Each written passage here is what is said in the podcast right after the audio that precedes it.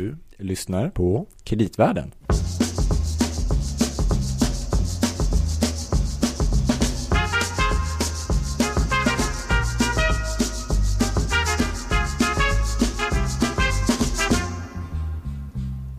Hallå Gabriel. Hej Louie! Det är du som presenterar mig nu för tiden.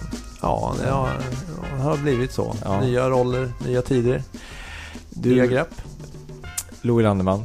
Gabriel Bergin. Eh, det här är podcasten Kreditvärlden. Mm, det stämmer. Ja, Den handlar om kreditmarknaden och det är det som därtill hör. precis. Och förra gången så var det ju de stora penseldragen.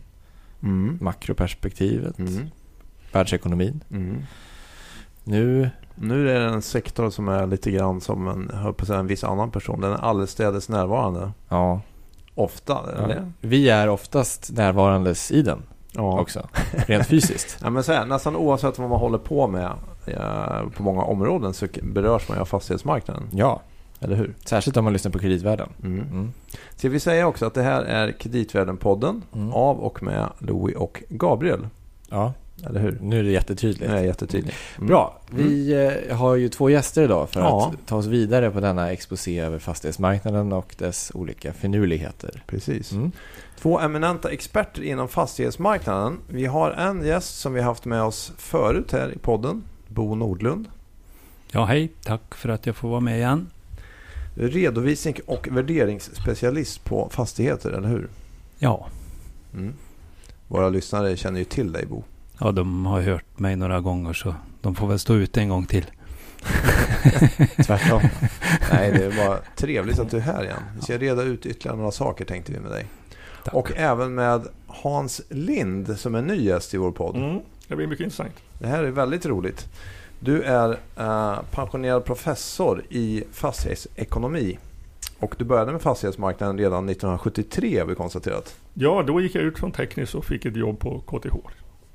Perfekt. Mm. Vi tänker att vi ska liksom ta lite, försöka ta lite längre tidsperspektiv på några frågor här. Så det här blir ju fantastiskt bra. Det är också fascinerande med tiden när tekniskt och KTH var olika saker. Så att säga. Ja, det, då, var det inte samma, då var det samma sak. Ja, just det. okej. Mm. Men eh, var ska vi börja? Ja, men jag tänkte, vi kan väl börja med en liten så här... Um, vad, hur ser ni på fastighetsmarknaden i Sverige just nu? Det händer, det har kommit lite... Ja, det, det kommit lite kvartalsrapporter från bolag som det ofta gör. Mm. eh, en gång i kvartalet ungefär. Mm. Men nu har det varit mycket diskussioner kring nettouthyrning och att eh, är det så att vi börjar se tecken på vikande konjunktur och, och är det liksom det här någon sorts peak då kanske på värderingar på fastigheter och så? Vad är det liksom, har ni någon känsla, vad tänker ni kring fastighetssektorn i ljuset av det här? Är den, är den väldigt cyklisk eller? Ja, den är ju cyklisk. Eh, det får man ju lära sig på KTH att det är cykler i fastighetsmarknaden. Det är bland det första. Men sen vad som påverkar de där cyklerna, det är ju lite svårare. Det är ju konjunktur, men det är ju penningpolitik och, och, och sådana saker också naturligtvis. Mm. Det som, det som jag snappar upp eh, där jag befinner mig, det är ju naturligtvis att man hör värderare idag som är väldigt optimist eller överraskat, positivt överraskad över vilket starkt sentiment eller stämningsläge det är i marknaden. Därför att mm, det liksom bjuds högre på fastigheterna än vad de någonsin kunde ana i många fall. Va? Så att det liksom på det viset känns det väl som att det är väldigt optimistiskt. Samtidigt så får man ju lite signaler från de här noterade bolagen, vissa av dem, att de har negativa nettouthyrningar och att, att det kan vara ganska marginella belopp kan man tycka på en sån gigant som Fabege till exempel som hade 5 miljoner i negativ nettouthyrning på ett fastighetsvärde på jag vet inte hur många miljarder liksom. Mm. Men att det ledde till ett fall i aktiekursen på 8,5 procent. Och ehm, det är klart att det är nog lite nervöst där för om, om kan man säga, Om de positiva Kassaflödes- förväntningarna ska infrias. Ja.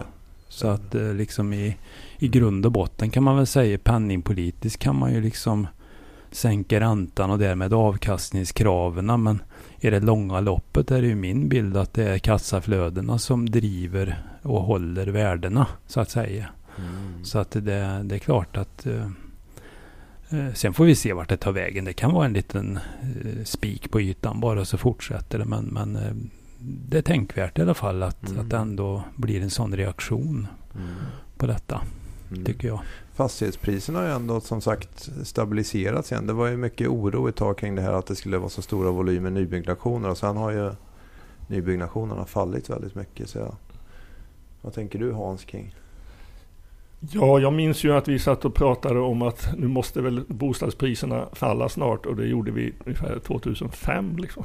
Så att eh, vi tyckte att så här höga priser kan ju inte fortsätta i längden. Och vi, vi har ju flera gånger sedan dess då tänkt att nej, men nu måste väl ändå liksom toppen vara nådd. Och så har vi haft fel igen. Och Alltså det, som, det som har överraskat då, eh, under de här sista 15 åren det är ju att räntorna har kunnat falla så kontinuerligt och till så låg nivå. Och eh, här kan man ju fråga sig om, om ja, senaste från Riksbanken, ja, men det, vi lovar nollränta under överskådlig tid.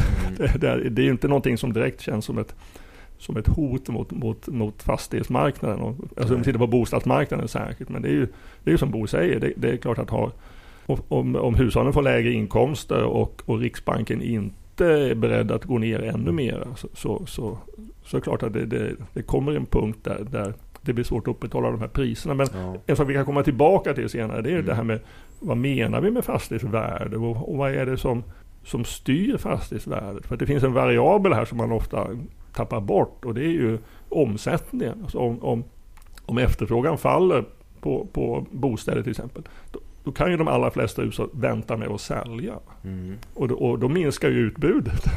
Ja, och då precis. påverkas inte priset. Så det, är- och det, ja, vi kan säkert se, vi har ju sett, Bosse har pratat om det i andra sammanhang, om att det är ju så 2009 i Sverige på den kommersiella sidan. Det var ju att, nej, men, oj nu har efterfrågan fallit kraftigt, men Mm. då säljer vi inte. Och, Mm. och, och då blir det inga låga priser. Och kanske lite så man gjorde med, jag tänkte här bankakuten och så på 90-talet. Att ta- tanken var väl att inte tvinga alla banker att sälja fastigheter utan att man får sitta på dem och vänta ut bättre Mm. tider lite grann. Precis, och där, där kunde man ju också se att man man gjorde ju, man pratade i termer av någon sorts långsiktiga marknadsvärden, men det man gjorde var ju, det som, som, som Bo antydde här, man, man, man gjorde en avkastningsberäkning och så, så, så använde man ett avkastningskrav som man, som man bedömde, det här är väl någon sorts långsiktiga räntenivåer och långsiktiga risktillägg. Så att det man var ute efter där var ju någon form av, ja men det här borde vara ett rationellt pris på en väl fungerande marknad.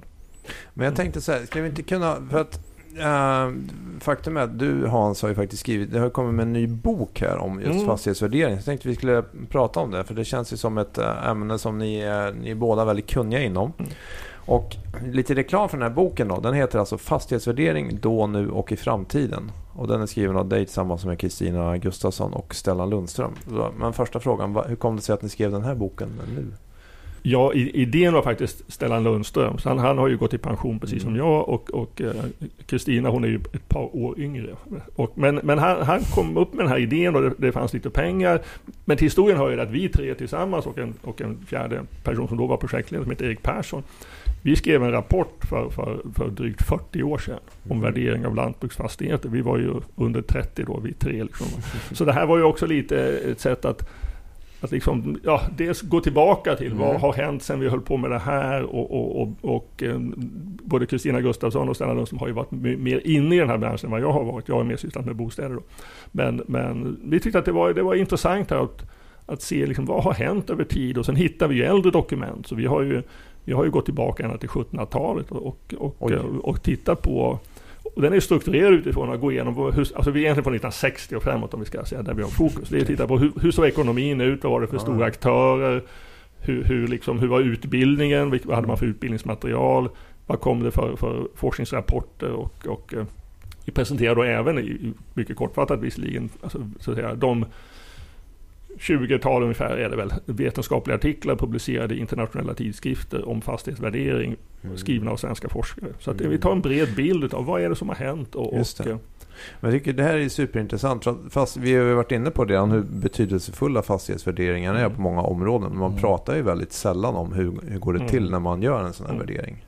Men vad lite kort då, vad är i den här boken om man skulle dra någon, vad är liksom skillnaden Mm. idag kontra hur det gjordes på, på på 60-talet? Vad, vad är det som har förändrats? Alltså det, det, det, om vi tittar på värdering av kommersiella fastigheter Mm. så har metoderna egentligen de grundläggande metoderna är de samma som Okej. på 1700-talet. Liksom.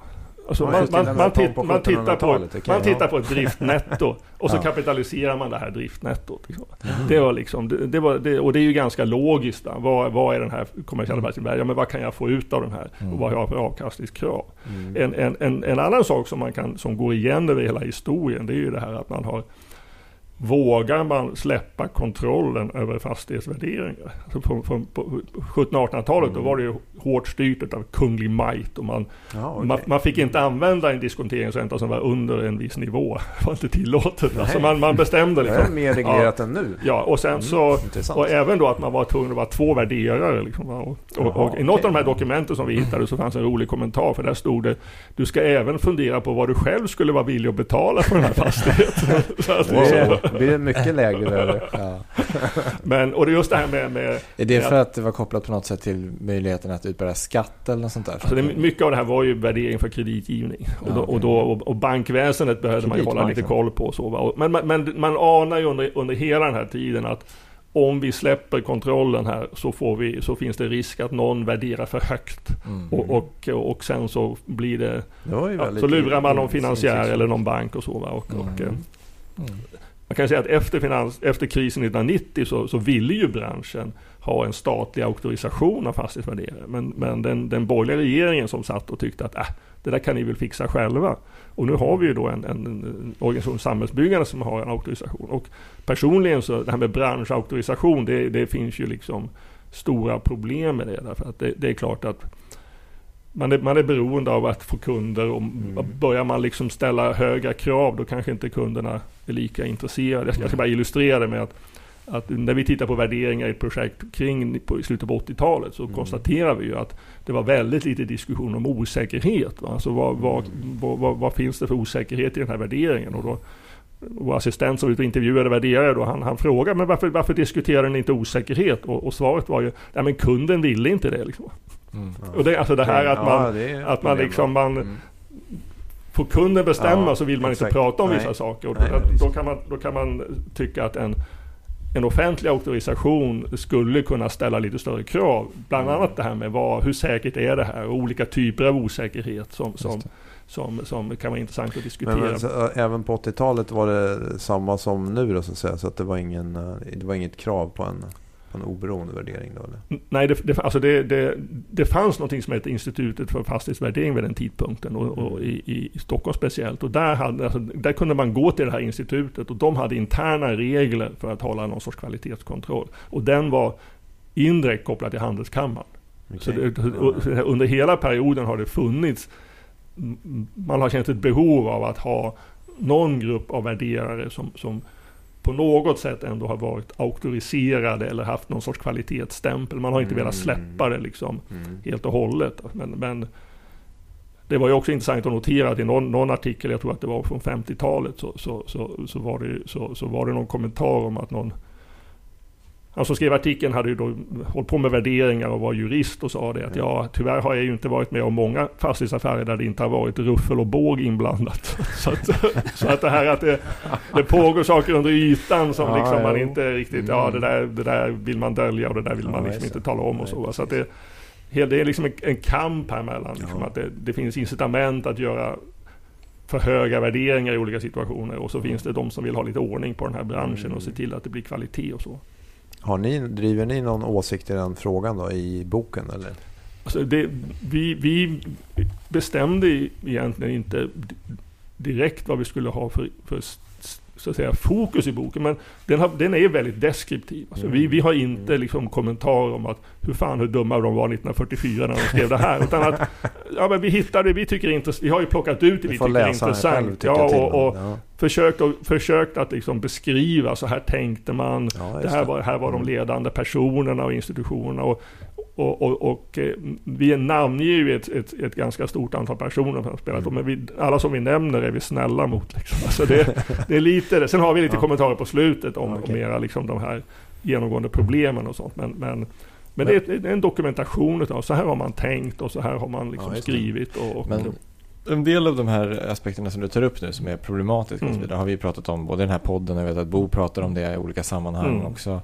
Eh, och säkert du också. Eh, Om man tittar framåt nu då, liksom, ser vi hur att metoderna förändras någonting mot- ljuset av det här? Eller är marknaden liksom fast i? Får jag kommentera en sak Mm. där? Du nämner metoder och det är ju oftast så det beskrivs i olika sammanhang. Kolla hur modellen räknar och, och, hur, vilken metod de tillämpar. Det, det är liksom det är att börja lite i fel ände då när det gäller värdering. Därför att all värdering måste alltid börja i en definition och en förståelse av ett värdebegrepp. Va? Mm. Och eh, när man väl har förstått det ordentligt då kan man liksom gå till metodfrågan Mm. och säga okej, vi ska bedöma marknadsvärde. Hur är det definierat i värderingsstandard och i internationell redovisningsstandard om det är relevant och så vidare. Va? Mm. Så när man har förstått den definitionen då kan man gå till metoden. Mm.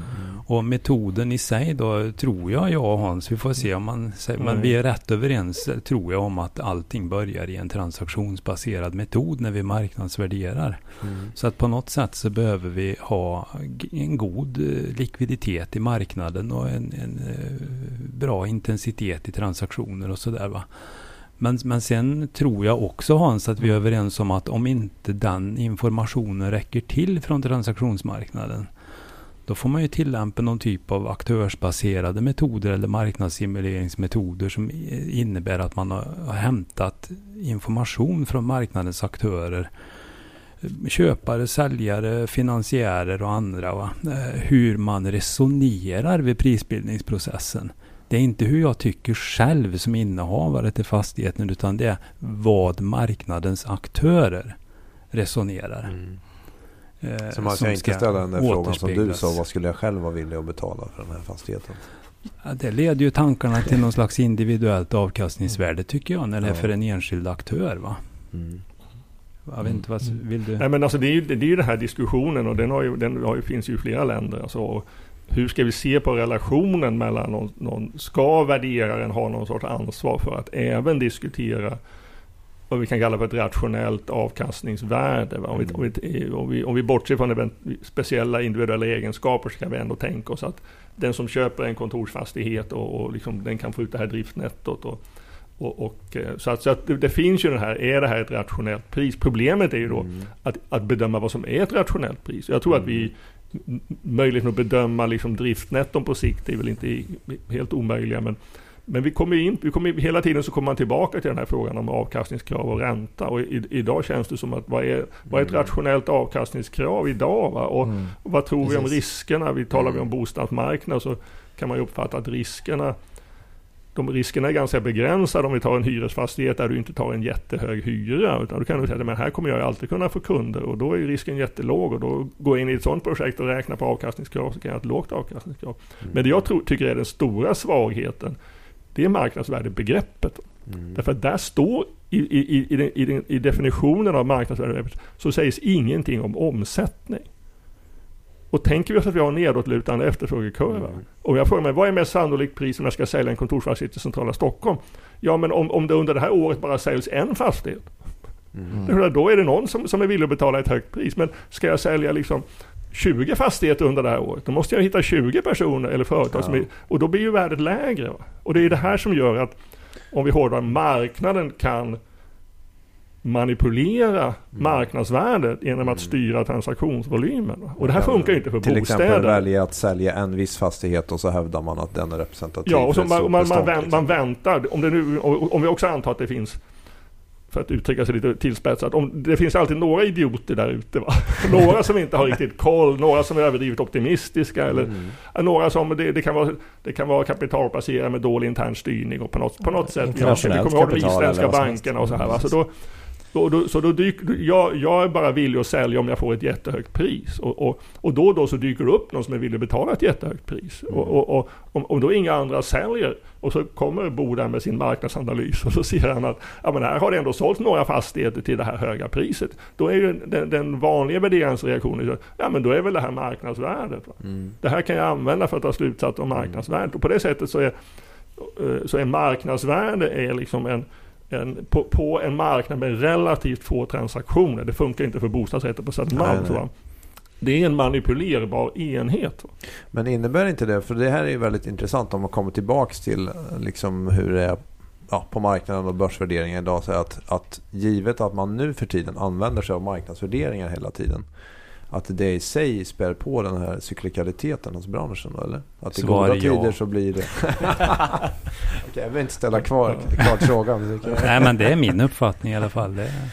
Ja redovisning. Så att i goda tider så tenderar man att trissa upp värdena kanske och tvärtom då? Eller? Alltså jag, sk jag skulle säga det att man, man, det är nog inte så mycket att man trissar upp värdena i goda tider som att man trissar upp dem i dåliga tider. Alltså man, man försöker hålla uppe värdena. När, ja. när marknaden vänder ja, neråt så vill man inte och, och speciellt inte nu med de här redovisningarna, man ska ha marknadsvärde i, i årsredovisningar och sånt. Så är det ju, mm. då, då, vill man ju inte att värdena ska falla. Och, och, och, och det är också det här att, att sälja en fastighet, det är ju ett beslut. Mm. Så när man tänker på, nu ska vi värdera fastigheter, nu har vi något så slumpmässigt urval och så tittar vi på vad de har. Men det, det, är ju någon som har bestämt sig för att mm. sälja och det, det, gör det att om, om den personen vill påverka då, då väljer man att sälja vid en viss tidpunkt. Och sen finns det naturligtvis, går vi tillbaka till 80-talets slut, så fanns ju, det fanns ju flera liksom, tricks. En del av dem har man sett senare också. Men om jag, inte vill, om jag märker att oj, nu kan inte jag få ut det här priset och jag vill ha det här priset för det, mm. annars, är det, annars får inte jag någon bonus här i företagets ledning och sånt. Och mm. Då kan jag ju slänga in diverse villkor. Jag kan ge, ränte, jag, jag kan ge förmånliga lån till köparen, ja, jag kan ge det, hyresgarantier och då kan jag liksom trycka upp värdet. Liksom. Men också det att jag, jag, helt enkelt, får jag inte det pris som jag, som jag vill ha, då säljer jag inte. Liksom. Ja, Så det här, jag tycker att det som saknas lite i, i även i den, den så att säga, mer teoretiska diskussionen, det är, ju, det är ju den här kopplingen mellan marknadsvärde, omsättning, manipulerbarhet. Mm. Där kommer vi in på det där som, som har diskuterats i vår artikel Hans, bland annat det med tunna marknader och djupa marknader. Mm. För att eh, fastighetsmarknaden för kommersiella eh, lite större pjäser är en tunn marknad. Mm. Det är helt klart. Antalet eh, aktörer är begränsat och, och, de har inte fullständig information om varandras eh, sätt att räkna och så vidare. Och då kan det ju mycket väl bli så att någon aktör som enligt i min, i min teorivärld så har varje aktör någon slags individuellt avkastningsvärde. Och om man då bjuder på sitt individuella avkastningsvärde omedveten om vart de andra ligger så att säga så kan man ju faktiskt eh, få köpa fastigheten men man visar sig att man har köpt den väldigt dyrt. Mm. Och då kommer den där intressanta frågan hur ser djupet i marknaden ut? Mm. Så jag skulle säga att värderare då som säger att eh, ja nu har vi sett en transaktion här så nu har marknadens avkastningskrav sjunkit. Ja, ni har sett att en specifik aktörs avkastningskrav är på en viss nivå. Om det sen är marknadens avkastningskrav, då måste ni veta djupet i marknaden och vart så att säga mm. eh, tagarna i Borde man liksom ligger, ta näst högsta priset då? Nå, men, men också det här att, att, det finns en föreställning om att man kan liksom härleda avkastningskravet mm. från marknaden. Mm. Och, och, det är klart att jag, det jag kan observera på marknaden i bästa fall, nu är det en massa företagstransaktioner, det jag kan observera i bästa fall är ett pris. Liksom. Mm. Och det pris beror på förväntade framtida driftnetto och mitt avkastningskrav. Och jag kan ju mm. inte, jag, jag menar, om, jag, om någon betalar ett högt pris kan jag inte säga att och den aktören måste ha ett lågt avkastningskrav. Det jag kan säga är att kombinationen av förvänt... Det kanske är att de har ett mm. högt avkastningskrav men de är superoptimistiska om driftnettot. Ja, men det finns någon sorts föreställning och värderare, de säger ganska ofta vi, vi härleder avkastningskravet från marknaden. Men det, alltså du kan ju härleda en direktavkastning om du, men du kan inte ens göra det och det har ju Bo skrivit mycket om det här med Alltså hur mäter vi driftnetton ja, och hela, hela manip- alltså det, vad är en kostnad och inte? Precis. Och det... Men kan man, har det förändrats någonting över tid? Hur, så att säga, för marknad, fastighetsmarknaden blir ju större, det finns fler objekt och det finns fler aktörer och så vidare. Men har, är en, en, en aktörs möjlighet att till exempel öka driftnetton mm. eller ha ett olika avkastningskrav ändrats över tid. För när jag menar att är det så att är man mer beroende av, av vilket fastighetsbolag till exempel som köper en fastighet för att kunna realisera de potential som finns eller har det blivit mer standardiserat med tid, över tiden? Det, där tycker jag bara snabbt förtjänar en kommentar tycker jag. Eh, därför att definitionen av marknadsvärde internationell standard är ju att man får inte räkna in synergier som bara är hänförligt till en specifik köpare. Och jag minns jag läste något arbete som Hans hade gjort någon gång. Jag har läst många som han har gjort naturligtvis. Men, men där han sa att det, det, det, som är intressant på fastighetsmarknaden det är liksom det här med portföljteori och så vidare. Det visar sig att synergier för specifika aktörer många gånger driver prisbildningen i affärerna. Mm. Med andra ord, läs internationell standard och säger okej, okay, den synergin måste vi ta bort när vi räknar ut marknadsvärde. Mm. Och hur ofta sker det tror du Hans? Ja, men alltså vi, vi, i teorin då, på en tunn marknad och speciellt när det är sådana här synergier så, så borde liksom det, det, normala skulle vara att så fort man har köpt en kommersiell fastighet så skriver man ner värdet. Därför att det här exit price ja. fastigheten isolerad, det borde vara lägre ja. än det man har betalat om det har varit någon sorts rationell budgivning. Mm. Och, och, så att, och det, det, det, Bo kan ju det här bättre men han, han har han, hans observation verkar vara att det händer aldrig. Nej. Nej, det är ju inte ofta man har sett, eller som jag kan påminna mig att jag sett det. Det omvända verkar vara vanligare och det, det skulle ju vara... Liksom... det jag tänkte på faktiskt. mm. men, ja. men finns det något alternativ till, för det har vi berört tidigare. Ja, men för att också på, jag tänkte på titeln på boken, nu pratar jag om fastighetsvärderingar i framtiden. Mm. Jag vet inte, nu har jag inte tyvärr läst ja. boken än. Men... Alltså vi, det vi gjorde där det var ju att vi, vi gjorde en liten enkät till, till eh, ett 30-tal värderare okay, och, ja. och frågade dem liksom, vad, hur, vad tror ni om, om fastighetsvärderingar 2030? Liksom. Mm. Och jag säga att mycket, mycket av diskussionen handlar ju om det här med artificiell intelligens och menar, vi har ju automatiska värderingsmodeller för, mm. för, för småhus och bostadsrätter och kommer vi att se liknande på, på, på den kommersiella sidan? Och, och det de flesta var överens om det är att vi har en utveckling i den riktningen. Mm. Men, men sen är ju frågan också, vad, vad, vad är värderarens roll? Mm. Är det så att värderaren tillför någonting? Och då kan man tänka sig att man tillför två olika saker. Det ena är att man, man, man tillför en slutlig bedömning. Man, man gör en justering. Man ser att nej, men det här verkar inte vettigt. Liksom. Om jag har förstått rätt när, mm. när Riksbanken sitter och gör sina prognoser över den mm. framtida utvecklingen så har man stora matematiska modeller. Men till sist mm. stänger man in sig i ett rum ett antal och säger att nej, men fan, det här kan inte riktigt stämma. Det måste vi justera lite. Va? Så det är den ena tolkningen. Den, den andra tolkningen är att det värderaren gör egentligen bara att, att, att, att liksom ställa sig bakom. Mm. Man ändrar inte siffran. Men man säger jag tar ansvar för det här. Mm. Jag, jag är beredd att...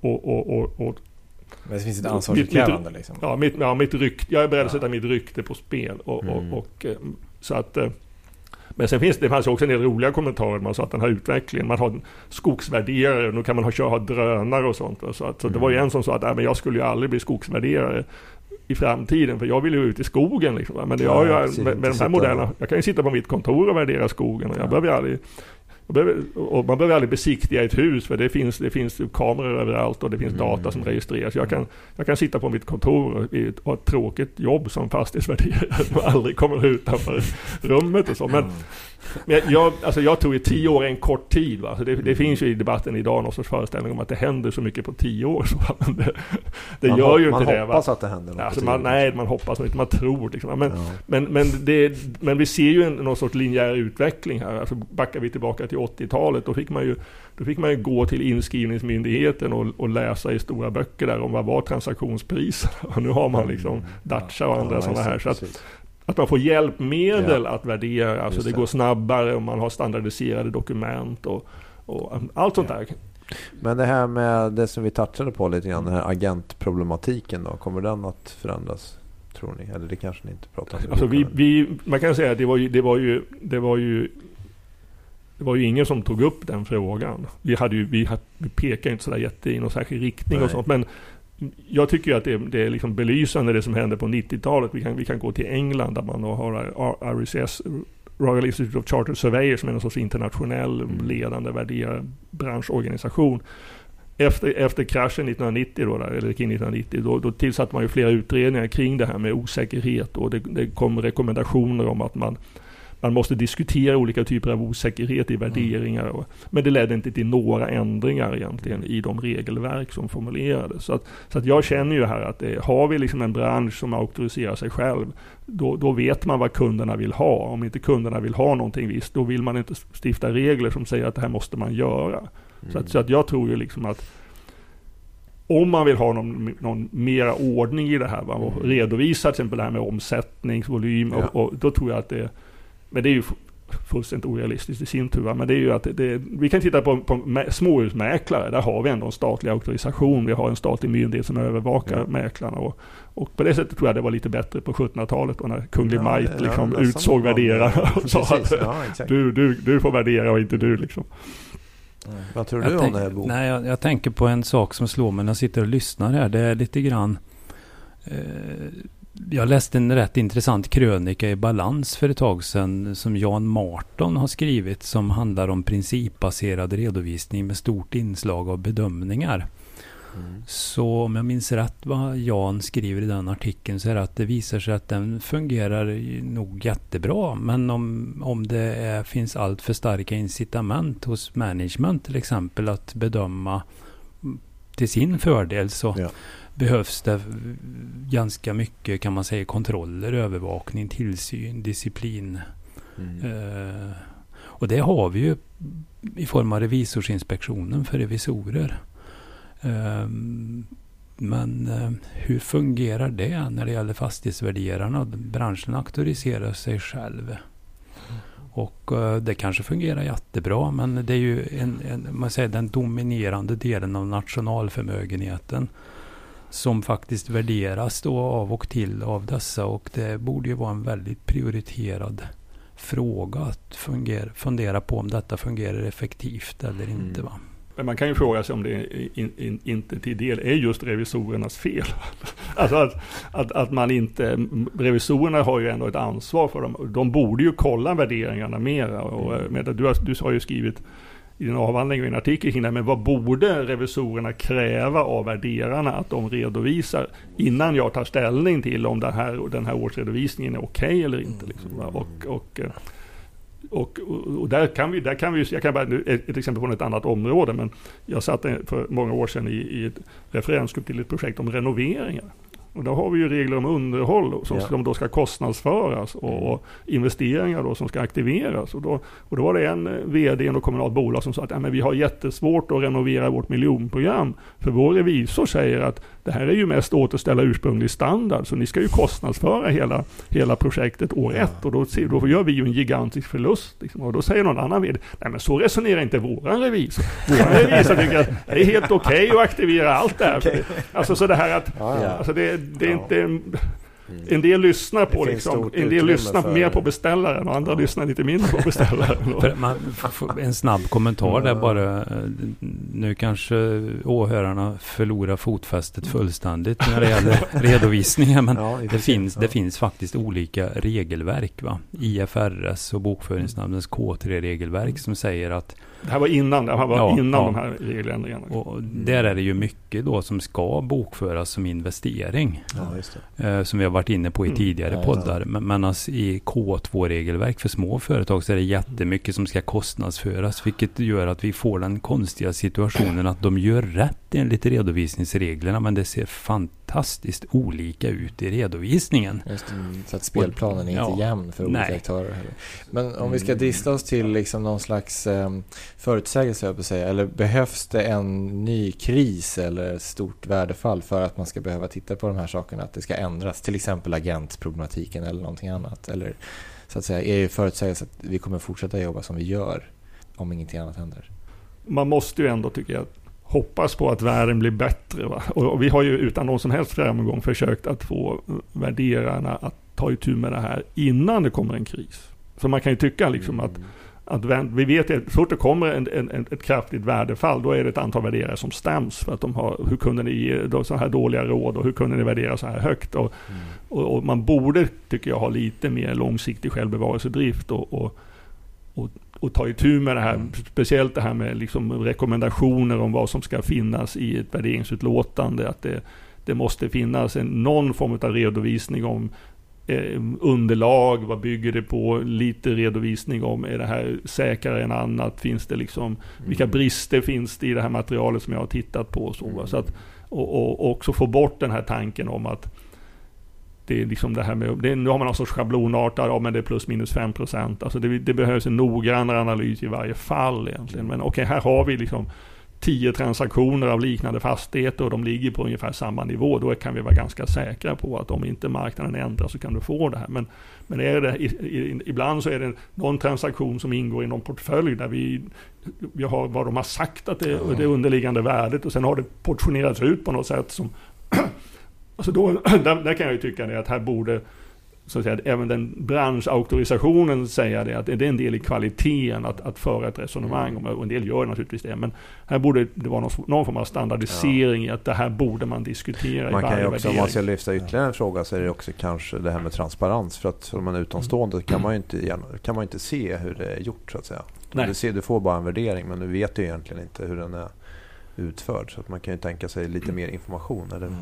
Och jag menar, det finns, vi ska inte säga att allting är dåligt, för det, det finns ju de som, som gör sådana här redovisningar. Men, men det är ju ett dilemma också det att det är så mycket transaktioner som är företagstransaktioner. Där Mm. det finns, och, och då är det också det här man, man kan ju välja om man vill offentliggöra priset.